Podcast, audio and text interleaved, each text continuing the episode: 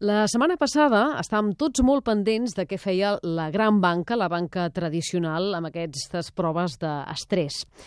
Doncs bé, hi ha una altra realitat, que és la de la banca més petita, la de Caixa d'Enginyers, per exemple, que viu un altre escenari, viu en un altre escenari.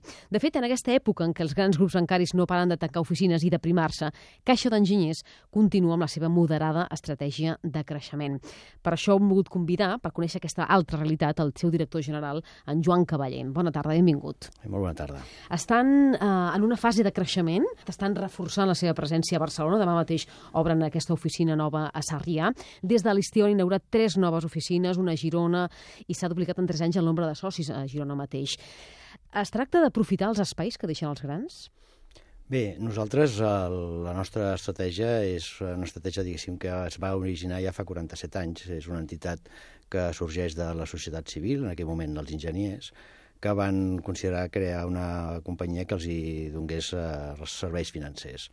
Eh, per tant, nosaltres, des de l'òptica del negoci que gestionem, que són finances i assegurances, el que sempre hem estat és treballant, diguéssim, eh, molt a prop dels nostres eh, socis.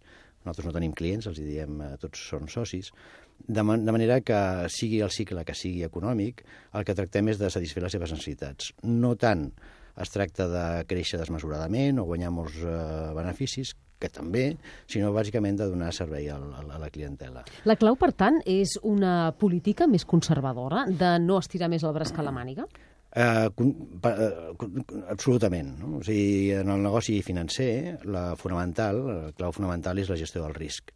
Eh? És a dir, que una entitat funciona bé quan té un nivell d'actius, una qualitat dels actius uh, alta, i d'alguna manera això el que implica és un nivell de podrem dir-li conservadorisme, però jo potser també diria és això, és a dir, anar sempre amb els peus a terra i sobretot eh, fer coses, eh, donar serveis que puguin eh, satisfer necessitats d'algú.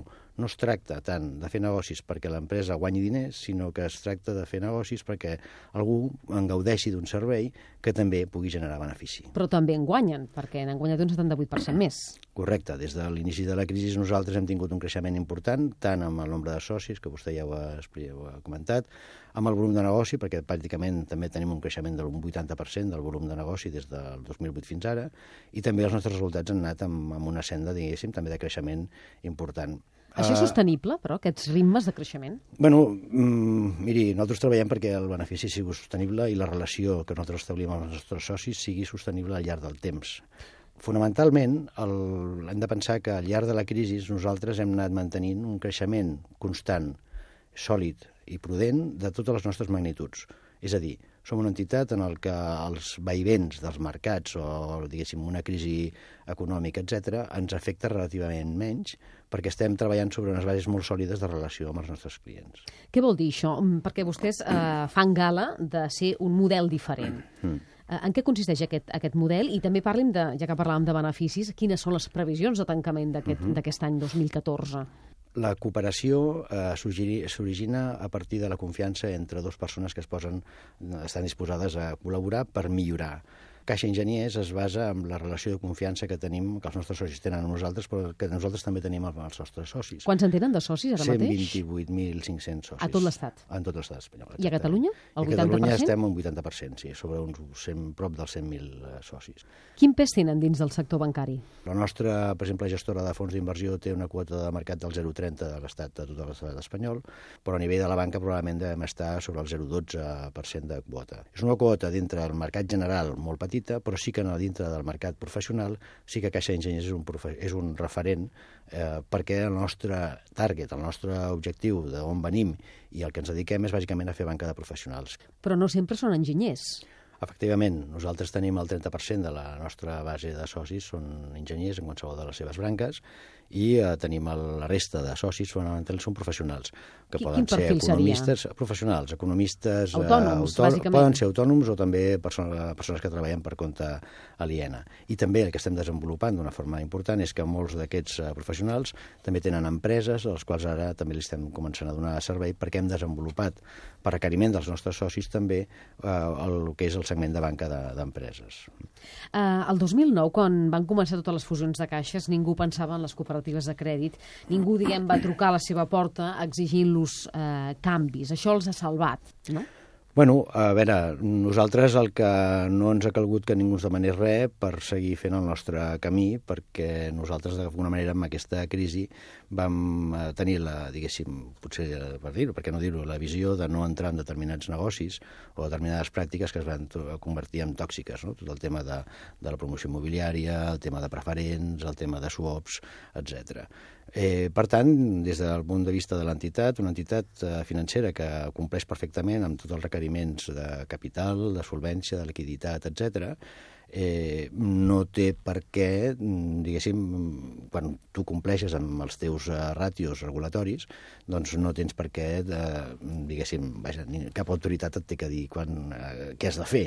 Crec que un dels elements que ens, va, que ens ha ajudat molt a, a superar aquesta crisi i a passar la crisi com l'estem passant és que nosaltres ens vam creure l'acord de Basilea II, que era una, un acord de regulació del capital molt, molt important i que van fer un exercici, un treball molt profund a dintre de casa nostra, de creure'ns, una, en fer una valoració dels nostres, eh, els nostres actius. Això marca el ràtio de solvència, no?, ah, que vostès compleixen ah, per sobre de la mitjana. Ah, exactament. De quan eh? és ara mateix dos, respecte a la Estem al voltant del 13. No, estem al 13, el sector deu estar sobre l'11 i escaig. El sector financer tradicional es comença a notar una mica l'obertura de l'aixeta del crèdit. Uh, vostès també o no han, no han entrat ja ni en aquest paràmetre? Sí, Miri, nosaltres des que va començar la crisi hem crescut la nostra inversió creditícia en un 20%. És a dir, que així com el sector ha caigut doncs, un 20%, per tant li hem tret 40 punts de creixement al sector amb el que és la implicació del crèdit. En cap any des de que va començar la crisi, Caixa Enginyers ha registrat una disminució de la seva inversió creditícia eh, i és cert que si bé la demanda de crèdit s'ha reduït d'una forma significativa els darrers temps, hem aconseguit mantenir un nivell, un nivell de creixement important. Perquè vostè eh, creu, diu, en diverses ocasions l'hem pogut sentir, que mm, és difícil la supervivència dels grans bancs i que la banca de proximitat prendrà el relleu als gegants bancaris. Això és el que aspiren? Miri, nosaltres tenim el nostre espai i jo crec que l'espai d'una entitat especialitzada en un segment eh, molt identificat com és el segment de la banca de professionals té tot el sentit del món eh, el que s'està és evident que totes les entitats eh, que li diem sistèmiques, que són grans, grandíssimes entitats, també són entitats que incorporen una fallida d'aquestes entitats un problema molt greu per tota l'economia. El futur sembla que està, ens està portant cap a potser entitats menys grans, no tan grans, i eh, sobretot en fonamentar l'estabilitat financera, que vol dir... Entitats no tan grans, no, no, és, just, grans. no és justament el que estem veient, en què hi ha una concentració, mm. eh, hi ha primament del sector eh, i que tot queda en, en mans de quatre, Correcte. dir. Però hem de pensar que l'escala, l'escala diguéssim, de, del sector eh, se'ns ha transformat en una escala europea, on hi ha molts més participants dels que hi havia eh, fins, fins ara.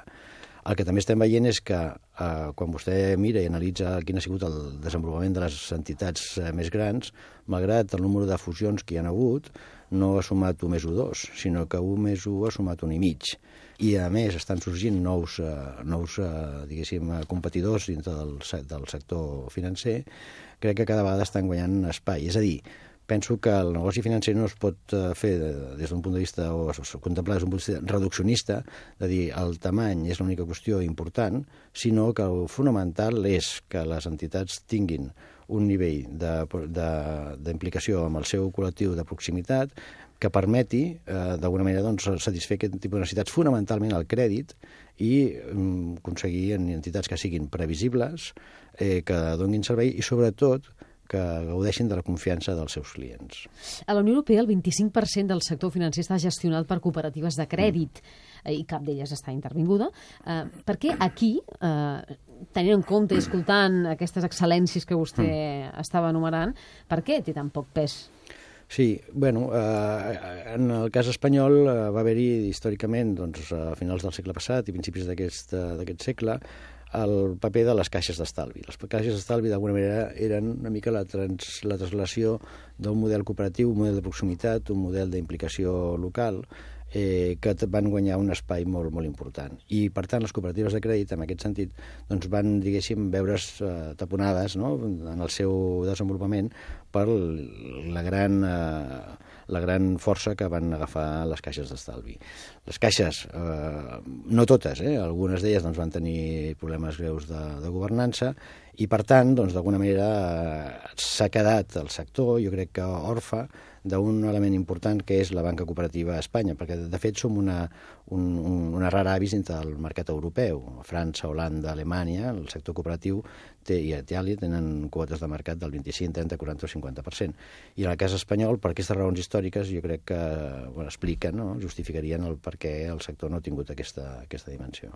El, el govern espanyol, seguint instruccions de la Comissió Europea, eh, vol instar les caixes rurals i les cooperatives de crèdit a constituir bancs per dipositar-hi els seus recursos. Això com canvia les coses?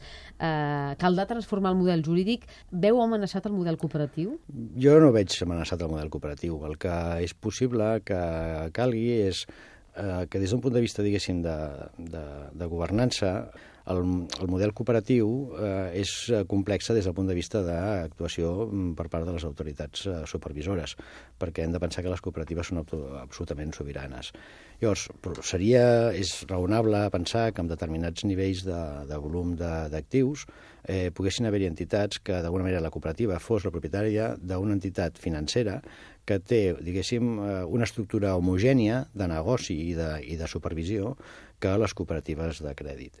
En aquest sentit, jo crec que, que no, això no, no, no subverteix, diguéssim, l'essència del, del model cooperatiu, perquè una qüestió és, el, diguéssim, quin és l'accionista fonamental, que és la cooperativa, i l'altra és que l'entitat financera és un mitjà. Per tant, eh, si el mitjà hem de posar-lo, diguéssim, amb equivalència amb altres, eh, amb altres eh, tipologies d'entitats, bàsicament banca privada, doncs bueno, té un sentit, diguéssim, de, probablement de simplificar també les tasques regulatòries o les tasques supervisores per part de les autoritats. No ens queda gens de temps, però hi ha una pregunta que, que teníem pendent de contestar, que era eh, el 2013 es va tancar amb 9.300.000 sí. euros de beneficis, que és un 10% més que el 2012 i un 78% més que el 2008. Com preveuen tancar l'any? No tindrem sorpreses i tindrem una exercici jo crec que molt interessant en, en, en creixement dels beneficis. Amb dos dígits eh? de creixement? Bueno, això ja no li puc concretar perquè encara els números s'han d'acabar de, de però treballar. Quina, però amb quines previsions treballen? Bueno, estaríem, jo diria que si fossin dos dígits serien dos dígits ben curts. Com a molt arribar a aquests dos dígits. Correcte, però el més important de que si el creixement és de, del 8 o del 10 o del 12 és sobretot, diguéssim, la consistència dels resultats. O sigui, a nosaltres ens interessa, som corredors de fons, ens interessa el llarg termini i el no donar grans eh, bandazos, que es diuen en castellà, no? eh, cops de, de timó, perquè no és, diguéssim, el que els socis esperen de nosaltres. Doncs avui hem conversat amb el Joan Cavaller, el director general de Caixa d'Enginyers. Hem conegut alguna cosa més sobre aquesta, aquest grup cooperatiu de crèdit i de serveis eh, financers que li queda molt lluny, podríem dir, eh, tot el tema de la reestructuració i les nacionalitzacions. Eh? Sí, la veritat és que hem tingut, diguéssim, hem, hem pogut dedicar-nos a treballar eh, per millorar la nostra manera de treballar amb els socis i això és un actiu que hem pogut gaudir. Doncs fins la propera, gràcies. Moltes gràcies.